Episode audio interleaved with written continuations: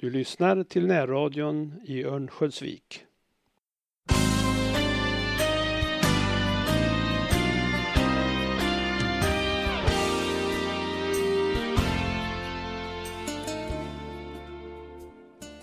Välkommen till radion Olaskogs och Semesterpratarna.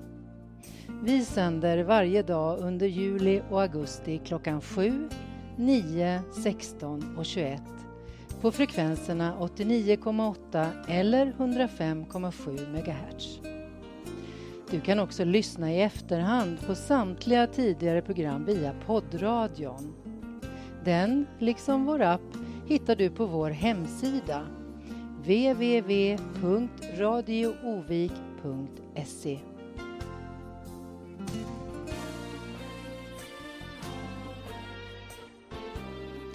Och dagens semesterpratare är Liselott Helldal. Välkommen Liselott!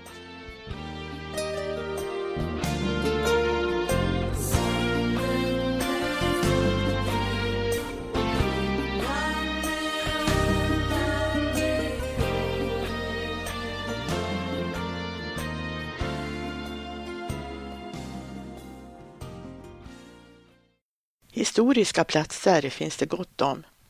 En av mina egna, personliga, hör hemma på uthusvindan i mitt barndomshem i Leksand. Där skedde nämligen mitt första möte med musik från stora världen och jag var sådär sju, åtta år. Innan dess hade de för mig kända sångerna mest bestått av barnsånger, Trygga rekan, man sa ju så, Blott en dag och morgon mellan fjällen. Det var då, medan jag som bäst letade efter roliga bra att ha-grejer i detta jätteförråd, som min tre år äldre syster Maj-Lis uppenbarade sig och jag upptäckte något för mig helt nytt. Hon hade skrivit Elvis med stora vita bokstäver på sina stövlar. Men varför har du skrivit så där, sa jag. Vet du inte att man ska hålla antingen på Elvis eller Tommy Steele, sa hon då i en smått nedlåtande ton, som stora systrar ibland tillåter sig utifrån sin större vishet. Men jag ska ha Elvis, du får ta Tommy Steele. Jag visste varken vem Elvis eller Tommy Steele var, men Tommy Steele fick bli mitt öde. Fast när mina stövlar tog slut blev det också slut med Tommy Steele för min del. Elvis kändes länge förbjuden. Det dröjde flera år innan han kunde få en rättmätig plats i min värld. Men han kunde aldrig för mig bli den största av alla, som för så många andra. Steget från totalt förbud blev helt enkelt för stort. Är man minst i en skara av fyra syskon blir man sist i raddan när stora beslut ska fattas. Så är det bara. Jag håller inte alls med förståsigpåarna i det fallet. Man blir inte det minsta bortskämd om man är yngst. Men däremot har man utsikter att med tiden bli rätt så resonabel. Helt enkelt för att makt och myndighet är en omöjlig väg att ta sig fram på. Och uppriktigt sagt, som minst på jorden tycker man att det får vara någon måtta på beslut över huvudet från det stora. Schysst vill man det ska vara, både som liten och sedan man blivit stor. Jag heter Liselott Helldal och det är jag som idag håller i semesterpratet och valt musiken till. Jag är glad att du lyssnar. Mitt program idag kommer att handla om musik, men också annat i livet som precis som musik ger livet mening, slår an en ton i ens innersta. Min sång, mitt personliga gensvar till livet, är helt säkert en annan än din. Vad som ger livet lust och mening kan vara så olika. För en del är det hockey, för andra vandring i fjällen. Det kan vara resor runt världen, ja det kan vara nästan vad som helst. Ska jag vara helt sanningsenlig så hade jag varit med om en annan musikupplevelse ett par år innan. Mina två systrar, Majvor och Maj-Lis och så jag fick spela in en skiva med några av de sånger som min mamma komponerat. Det var en av byns sommargäster, Nenne Lund, bosatt i Stockholm och lärare liksom min mor som föreslog det. Och det var också han som spelade in sångerna på bandspelare och såg till att det blev en skiva. Jag kan på en gång säga att skivan inte blev en storsäljare. Den finns bara i ett enda exemplar, men för oss syskon är det förstås roligt att den finns. Större hit än skivinspelningen var för mig en trudeluttelåt på radion, Liselottan tralalalala som spelades på radio nu och då när jag var liten och som jag trodde var om och till mig, vilket väckte en väldig munterhet inom övriga familjen. Ingen annan i den värld jag kände hette Liselott.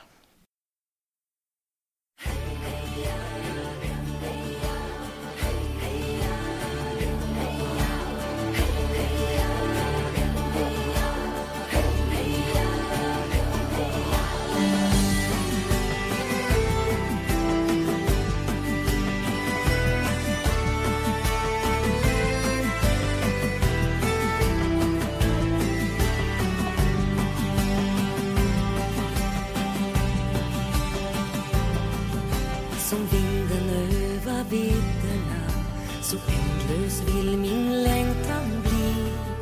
Den söka sig mot himmelen vill ständigt vara fri.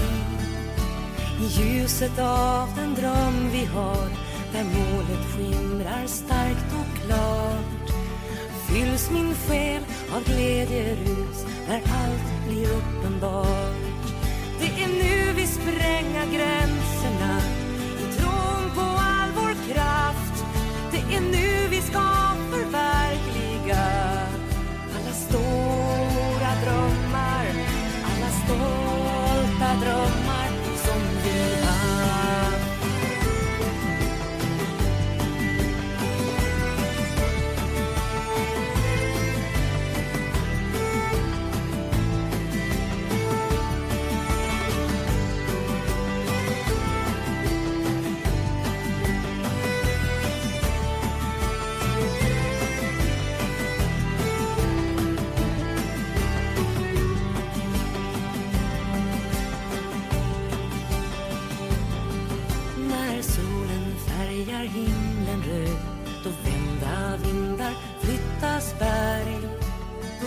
längtar alla till sin glöd i tron på lagets färg.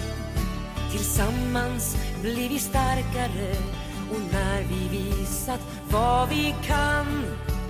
En för alla för en, då når vi ända fram.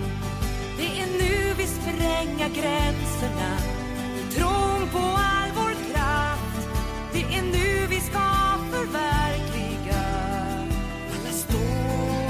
drömmar. Alla står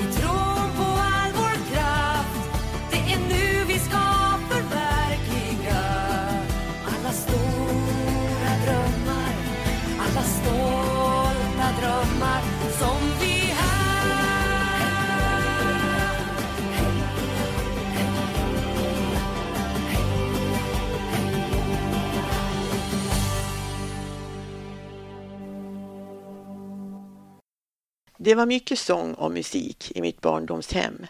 Särskilt sedan mamma skaffat piano, en länge när dröm som hon under lång tid sparat till. Fick hon en stund över så var det till pianot hon gärna sökte sig och det var hennes sätt att varva ner efter skoldagen och hämta ny kraft. Det var också där hon komponerade barnvisor till skolan och även annan musik. Mina föräldrar var ett dansant par. De tyckte båda om att dansa. Dessutom hade de en stor vänkrets. Under senare delen av 40-talet och en bit in på 50-talet kunde det bli dans när man bjöd hem vännerna till fest. Någon orkester behövdes inte, man hade ju radiogrammofonen. Sådana kvällar när det var fest och dans hemma hos oss fick vi barn vackert hålla oss på övre våningen, strängeligen förbjudna att gå ner om det inte var något alldeles speciellt.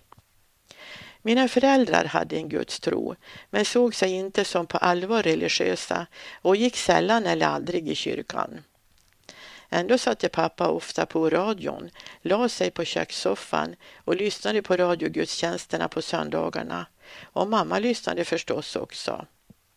Tro om många fler hade det likadant då för tiden. Det vet jag faktiskt inte. Men så länge jag kan minnas tillbaka var det alltid kyrkkaffe för hela familjen vid halv ett-tiden på söndagarna. Radiogrammofonen fick man inte röra förrän man var stor, så där 11-12 år. En regnig sommar tog jag mig för att lyssna på alla stenkakorna. Det var smäktande tongångar överlag. Pappa gillade bland annat Nidelven och Med dig i mina armar, så de fanns förstås. Och så Hawaii-musik med Yngve Stor, liksom många skivor av Ulla Billqvist, Bertil Bo, Evert Taube och många fler. Mamma hade en förkärlek för tango, så det fanns en hel del med de rytmerna. En av mammas absoluta favoriter var Din kyss av eld. Rytmen och musikslingorna av molltoner, det var riktigt mamma. Men texten, den passade helt enkelt inte in på henne. Den var alltför avancerad. Hon var ju ändå lärarinna. Det skulle ingen av hennes skolbarn ha kunnat tro om henne. Fast å andra sidan, den kärlek man öppet talade om då för tiden höll sig ovillkorligen ovanför midjan. Någonstans i hjärttrakten hörde den hemma så även en eldig kyss hade en kysskram. Man skulle vara gift innan gottpåsen fick öppnas.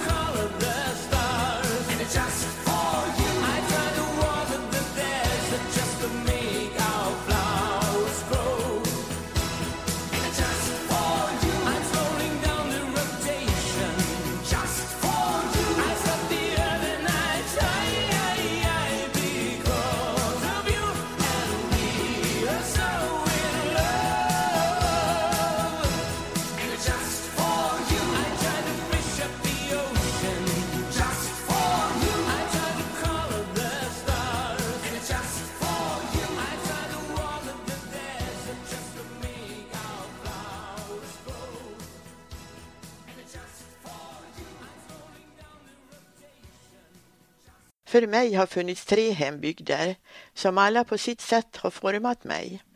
Glommersträsk i Arvidsjaur, där jag föddes, var på den tid vår familj bodde där lappmarkens största by. Min far hade elektrisk affär, Berggrens elektriska. Min mor var småskollärare, eller småskollärarinna som det hette då för tiden. Och de byskolor inom Arvidsjaurs kommun som då fanns, som hon inte har undervisat i, är lätt räknade. I Glommers fanns ett rikt utbud. Förutom min pappas affär fanns både Konsum och Ica, post, bank, telegraf, biograf, hotell, skola, kyrka, sko och ekiperingsaffärer, järnhandel, kaféer, frisörer, två taxirörelser, bensinmack, järnvägsstation förstås och så ett stort idrottsligt utbud. Dessutom fanns en amatörteater. Jag behöver väl inte säga att så ser det inte ut idag. Glommersträsk var barndomens paradis. Vi togs emot med öppna armar var vi kom. Vi var saknade och efterlängtade av så många sedan vi flyttat till Leksand. Men det var inte varje sommar vi kunde göra en så lång resa. Det var ju 90 mil dit och resan kostade pengar. I Glommers var liv och lust. Där fick man vara med i laggården och på slottarna och man fick trona på Hölas. Där var saft och bullar och lek och skratt med kusiner och så dessa så innerligt goda, mycket, mycket älskade morföräldrar som inte visste hur väl de ville. Hela vår nära släkt fanns där och så föräldrarnas många goda vänner i Glommers och byarna runt omkring. Trots att jag bara var två år när familjen flyttade till Leksand så är Glommers fortfarande för mig den plats på jorden där jag har mina djupaste rötter. Så är det bara. Idag är mitt Glommers borta. De människor i byn som betydde så mycket för mig en gång är alla borta. De är antingen döda eller utflyttade, bara byggnaderna finns kvar. Men minnena lever och det gör så innerligt gott än idag. Leksand blev min andra hembygd. Det var mitt i vintern, i början av december 1951, som nedresan med vår Opel-kapten skedde. Det har berättats att här i Övik var det glashalt när vi skulle genom stan. Vi höll på att kana av vägen i branten vid kyrkbacken. Pappa och min bror Jan fick hjälpas åt att sätta på kättingar. Det var på den resan jag första gången drack kaffe, kallkaffe det var det enda som fanns att tillgå när familjens minsta efter många långa mil blev törstig och kinkig och allt vad dryck hette hade tagit slut. Hur det smakade har jag förstås inget minne av, men tyst hade jag i alla fall blivit. Det kan ha varit chocken. Vår familj hade varit så väl integrerad i Glommersträsk. Nu fick hela familjen börja om på ny kula. Vi hade ingen släkt, från början heller inga vänner eller kamrater. Det tog sin tid, som en flytt alltid gör, men så småningom hittade vi hem i allt detta nya. Min mor skrev en dikt om denna kännbara flytt från hembygden som hon sedan också tonsatte. Det är mycket vemod i den melodi som hör till. Vi sålde vårt hus, vi packade vårt gods, vi flyttade vår kropp till en annan ort men vår själ, den lämnade vi där hemma. Vi trivdes bra, fick vänner många, men vägarna till jobben var dryga och långa. Det blev ingen dans på rosor. Vi drömde oss hemåt ibland, till Lappland, vårt barndomsland. Att många som flyttat söderut lämnat kvar sin själ i sin norrländska hembygd är säkert mångas erfarenhet.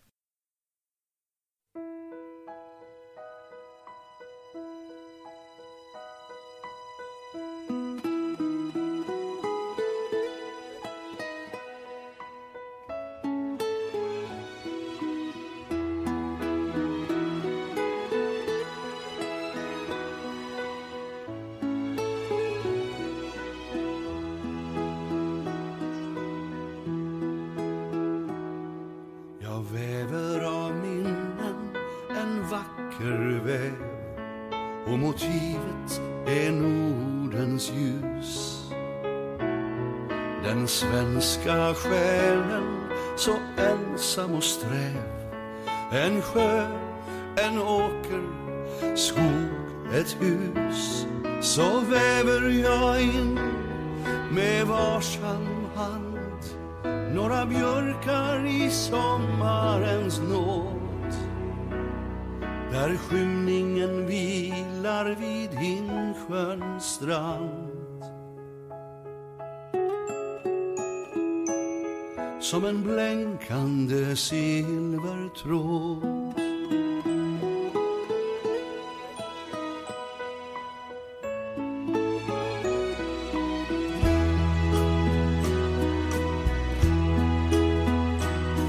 Där går en spelman från Klockarebyn följer vägen till gården i Sven han lyssnar till lärkan som sjunger i skyn och han saknar sin älskade vän.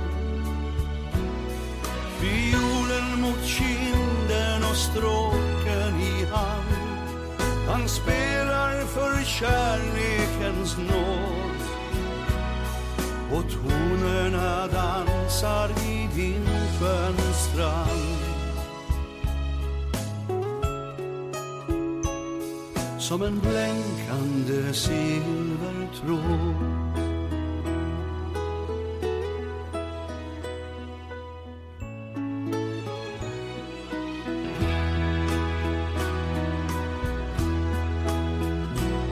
Så väver jag molnen vita som snö oskuldsvita som livet en gång.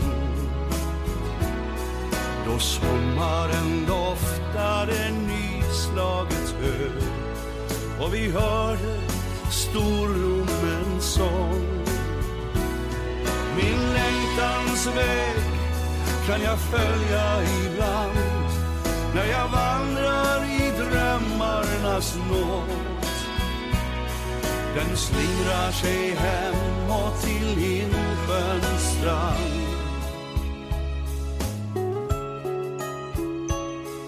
som en blänkande silvertråd.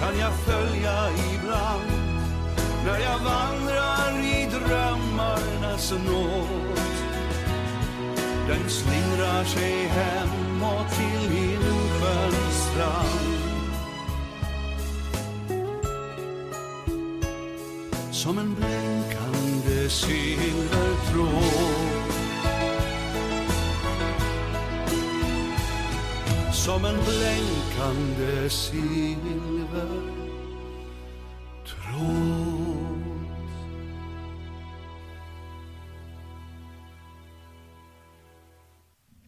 I Leksand var sommaren ljuvligt lång.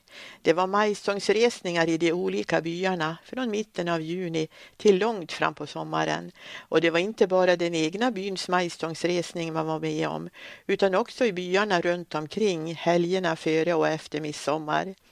Det var högtid, lekar, fest och glam var eviga helg med spelmän och stora folkskaror. Och efter Majsonsresningen var det dans i bystugan för alla som ville. Det var där jag och min lekkamrat Ingrid tog våra första danssteg, tyckte vi i alla fall, men så mycket till dans var det nog inte fråga om. Liskullskläder skulle man förstås ha, det hörde till. Leksandsdräkten för små flickor på Leksandsmål Liskullor är känd över hela vårt land och jag hade självklart också en sån. Det hörde till.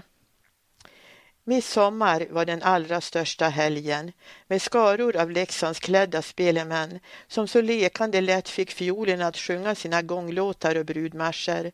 För mig ger denna sorts musik en alldeles speciell känsla. Jag blir alldeles varm inombords. Och dansen i den så välkända gropen sedan midsommarstången rests sen. Hela gropen blev som en kokande kittel. Helt magiskt. Alla som varit där förstår vad jag menar. Somrarna i Leksand var som ett enda stort sammanhängande lustspel och spelmansmusik blev jag tidigt såld på. Det var också de låtarna jag helst spelade på min fiol. När man bodde i Leksand hörde man ofta turister lovsjunga de vackra nejderna där, men för en själv var ju allt vardagsmat. Det är först som vuxen mina ögon öppnats för allt det fina som där finns. Det är lätt att bli hemmablind. Det är inte alla med ursprung i Nolaskogs heller som ser det vackra här, men själv har jag alltid sett Höga kusten som en sagolikt vacker kustremsa. Jag har visserligen under kortare eller längre perioder bott på flera andra ställen i Sverige, men Nolaskogsbygden blev min tredje och sista hembygd. Här har jag nu bott i över 40 år och det var förstås kärleken som var upprinnelsen till flytten hit.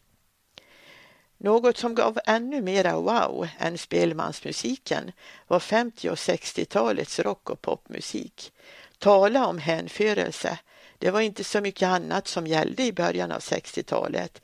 Ett och annat svärmeri kanske. Fast mamma gillade inte alls den sortens musik.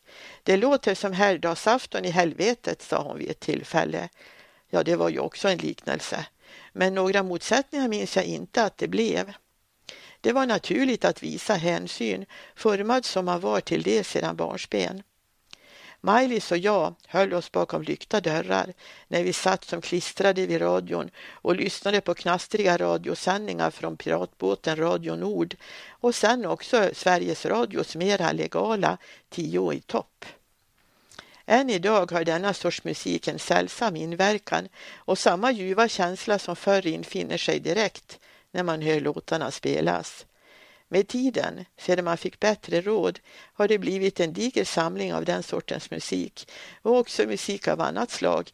Gospel och även annan kristen musik, klassisk musik, spelmanslåtar, superhits, country, en del dansbandslåtar, visor och ballader, filmmusik och en hel del till. I Leksand bodde jag inte så länge. Det blev sammanlagt 13 år. Efter realexamen flyttade jag till Falun för att läsa vidare och bodde borta under veckorna. Ett nytt liv började. Jag skulle fylla 15 år den hösten och räknades som vuxen i och med att jag flyttat hemifrån och fick ta eget ansvar, vilket gjorde att man rätt snabbt växte in i vuxenrollen. Sedan dess har jag inte bott i Leksand annat än en kort period några år senare. Men hem till Leksand for man ju mest varje helg under många år tills jag flyttade så långt hemifrån att det inte längre var möjligt.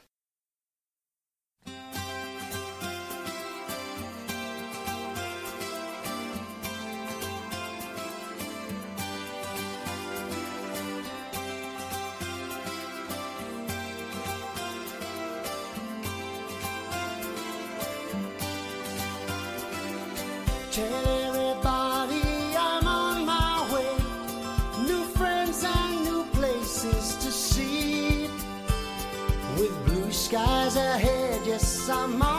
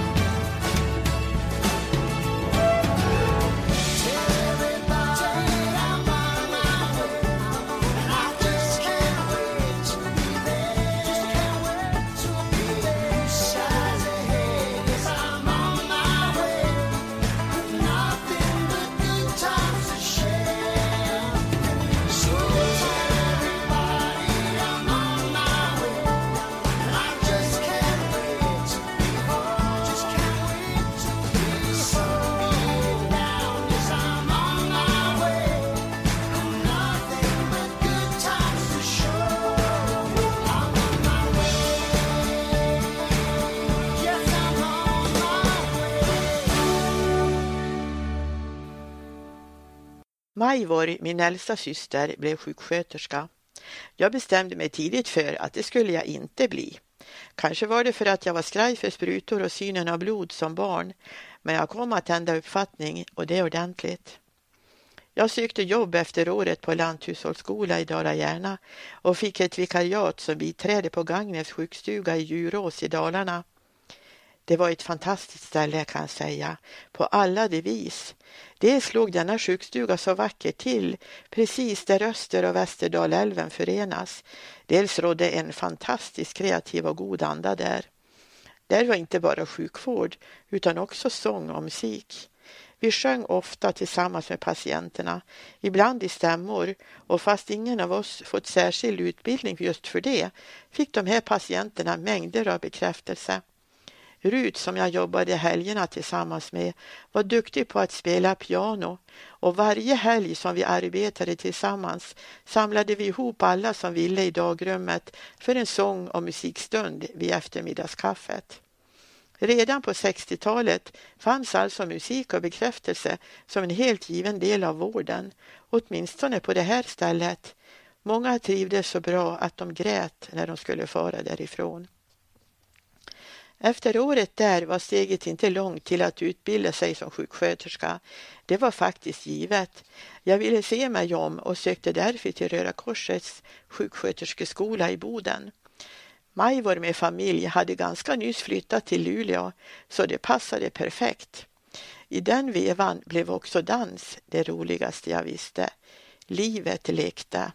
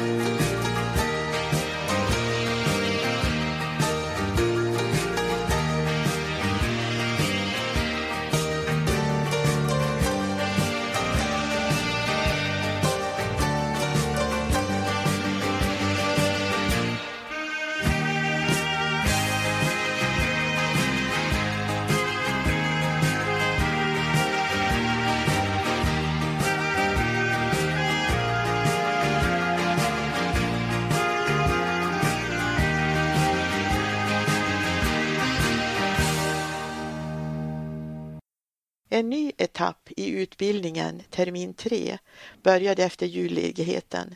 Jag hade åkt upp till Boden och kommit igång med teoridelen, men en och en halv vecka efter start väcktes jag mitt i natten av en kurskamrat. Jag hade telefon, sa hon. Konstig tid att ringa, minns jag att jag tänkte när jag skyndade till telefonhytten. Det var Majvor, som så varsamt hon kunde, fast själv så berörd, berättade att mamma var död. Hon hade dött medan hon satt vid pianot och spelade. Plötsligt stod livet bara stilla. Dagen därpå tog jag tåget hem till Leksand där vi alla möttes. Det var så öde och tyst, som om huset slocknat. Jag hade ju nyss varit hemma och då hade hela huset strålat av juleljus och varit fyllt av musik och gemenskap. Så snabbt allt kan vända. Det var då som jag fick höra att mamma hade spelat O store Gud när hon dog. Det kändes på något sätt så mäktigt. Vilken död! Det var en sorti från denna jord som hon skulle ha gillat. att lämna sitt trånga puppskal, veckla ut sina nu utsökt vackra vingar och bara fladdra iväg till ljus och till frihet. På något sätt blev just det här så starkt för oss alla. Hennes död blev inte nattsvart mörker. Där fanns ljus och där fanns en famn. Alla vi unnade henne den död hon fick. Den symboliserade allt vad hon stod för. Jag gjorde uppehåll i min utbildning för att vara ett stöd för min pappa. Samtidigt fanns ett vikariat som undersköterska på läkarstationen i Leksand som jag sökte och fick. Det passade perfekt. Jag fick med mig många lärdomar också därifrån samtidigt som pappa och jag kunde hjälpas åt med allt som var. Jag har väl alltid haft någon form av tro på något mer än vad vi ser omkring oss och också förstått att många funnit något som jag saknat. Bland annat under deras senare år mina föräldrar. Så är det för många, men det är som om tillfällena att fördjupa sig så lätt går en ur händerna. Det är så mycket annat för oss idag. Nu var det allvar. Jag ville veta och jag tog också reda på vad det som funnit en personlig tro hade men inte jag. Sedan dess har jag haft en bärande kristen tro, även om jag under långa perioder inte varit så kyrksam, tyvärr. När jag återvände till Boden på hösten samma år såg jag inte längre människor omkring mig enbart som jämlikar med samma utgångsläge och möjligheter som mig själv att ta för sig och sätta spår. Jag såg en människa i varje människa. Det var och en var helt unik och värdefull just därför och det var helt fascinerande. Hög och låg hade ingen större betydelse. Det var som att gå från svartvitt till färg. Möten med människor gav så oerhört mycket mer än förr och att jag själv redan under utbildningsåren hade prövat vad anhöriga känner när en älskad familjemedlem går bort var en bra erfarenhet. Ord av deltagande vid möten med sörjande kändes efter detta inte tomma.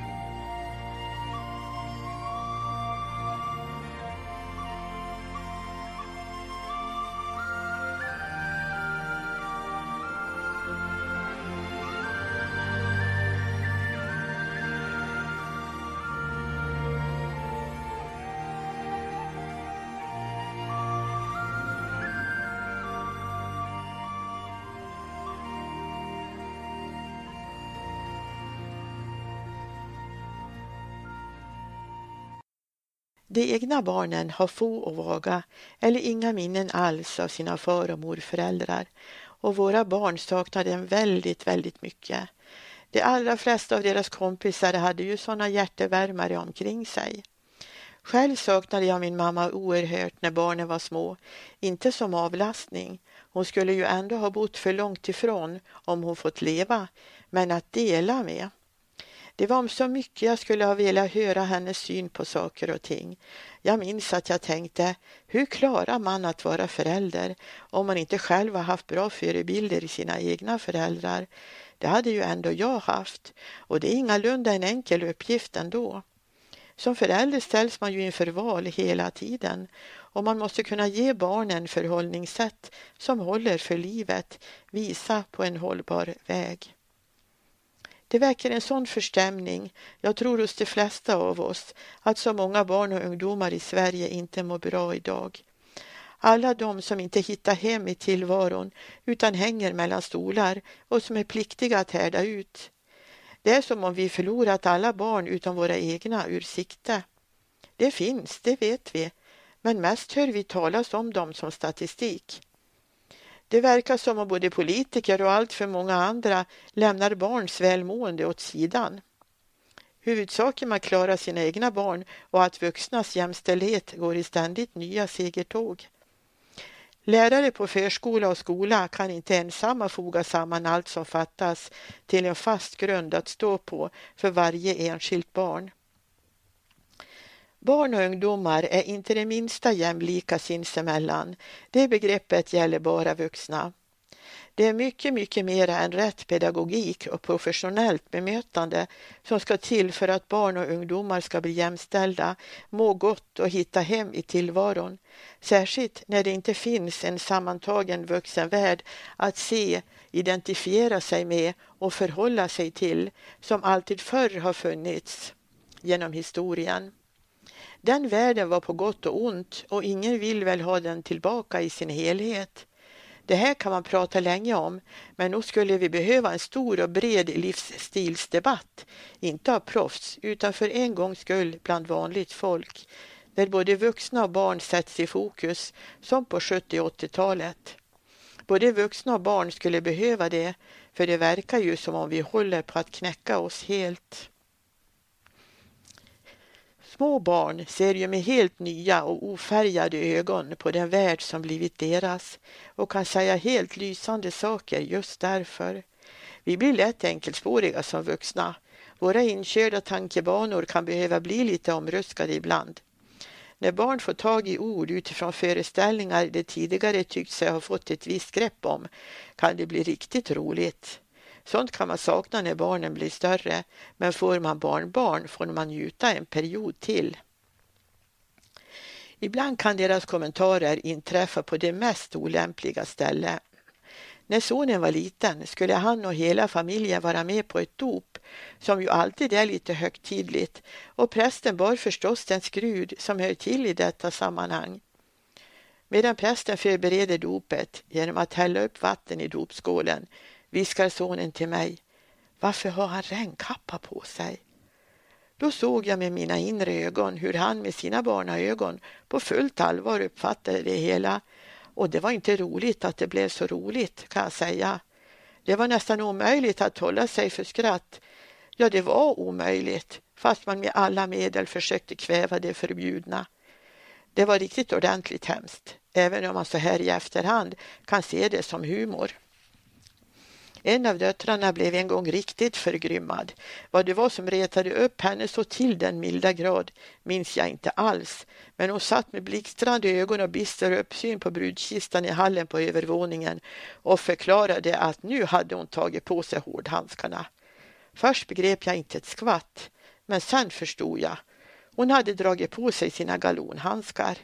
Var hon hade fått uttrycket sätta på sig hårdhandskarna ifrån begriper jag inte riktigt, för varken maken eller jag använde det.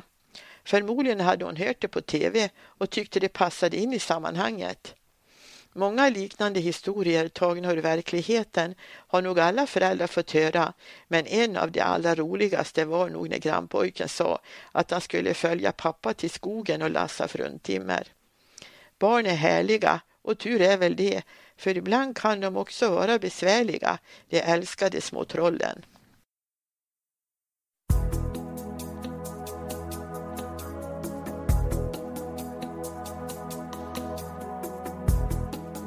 När din väg är lång Du är trött Men du måste ändå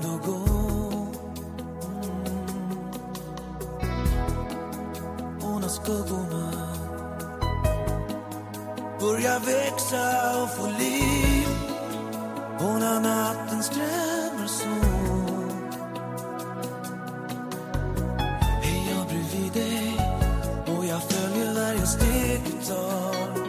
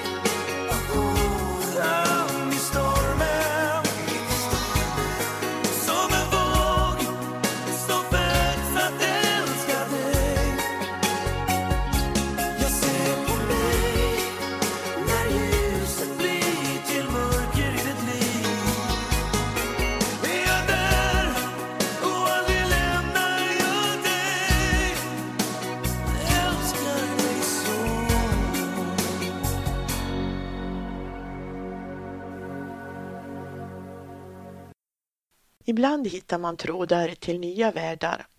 Ja, det är som världarna fått fatt i en själv.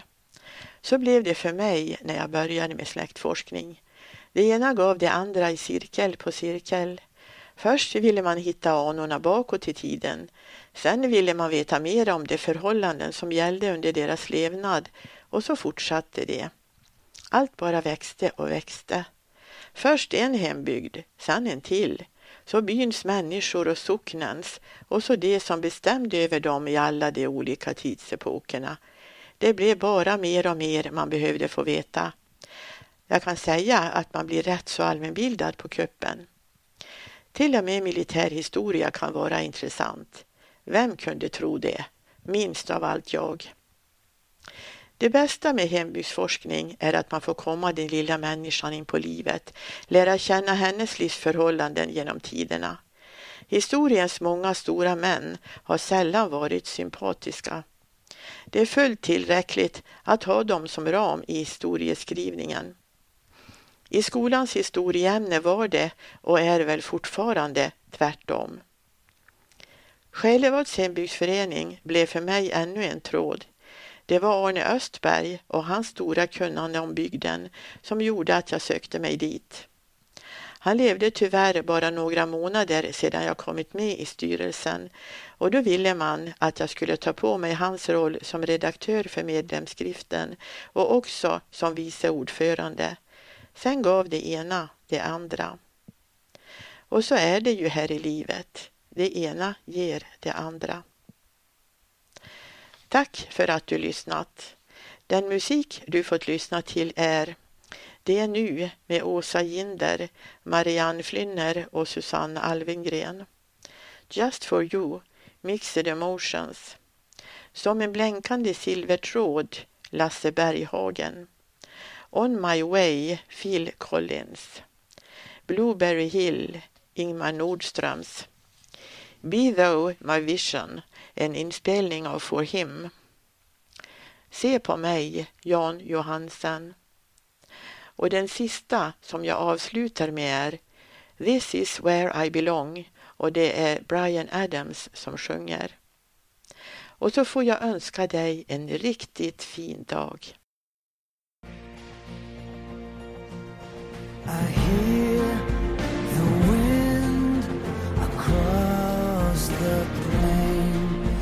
Sound so strong that calls my name. It's wild like the river, it's warm like the sun. Yeah, it's here. This is where I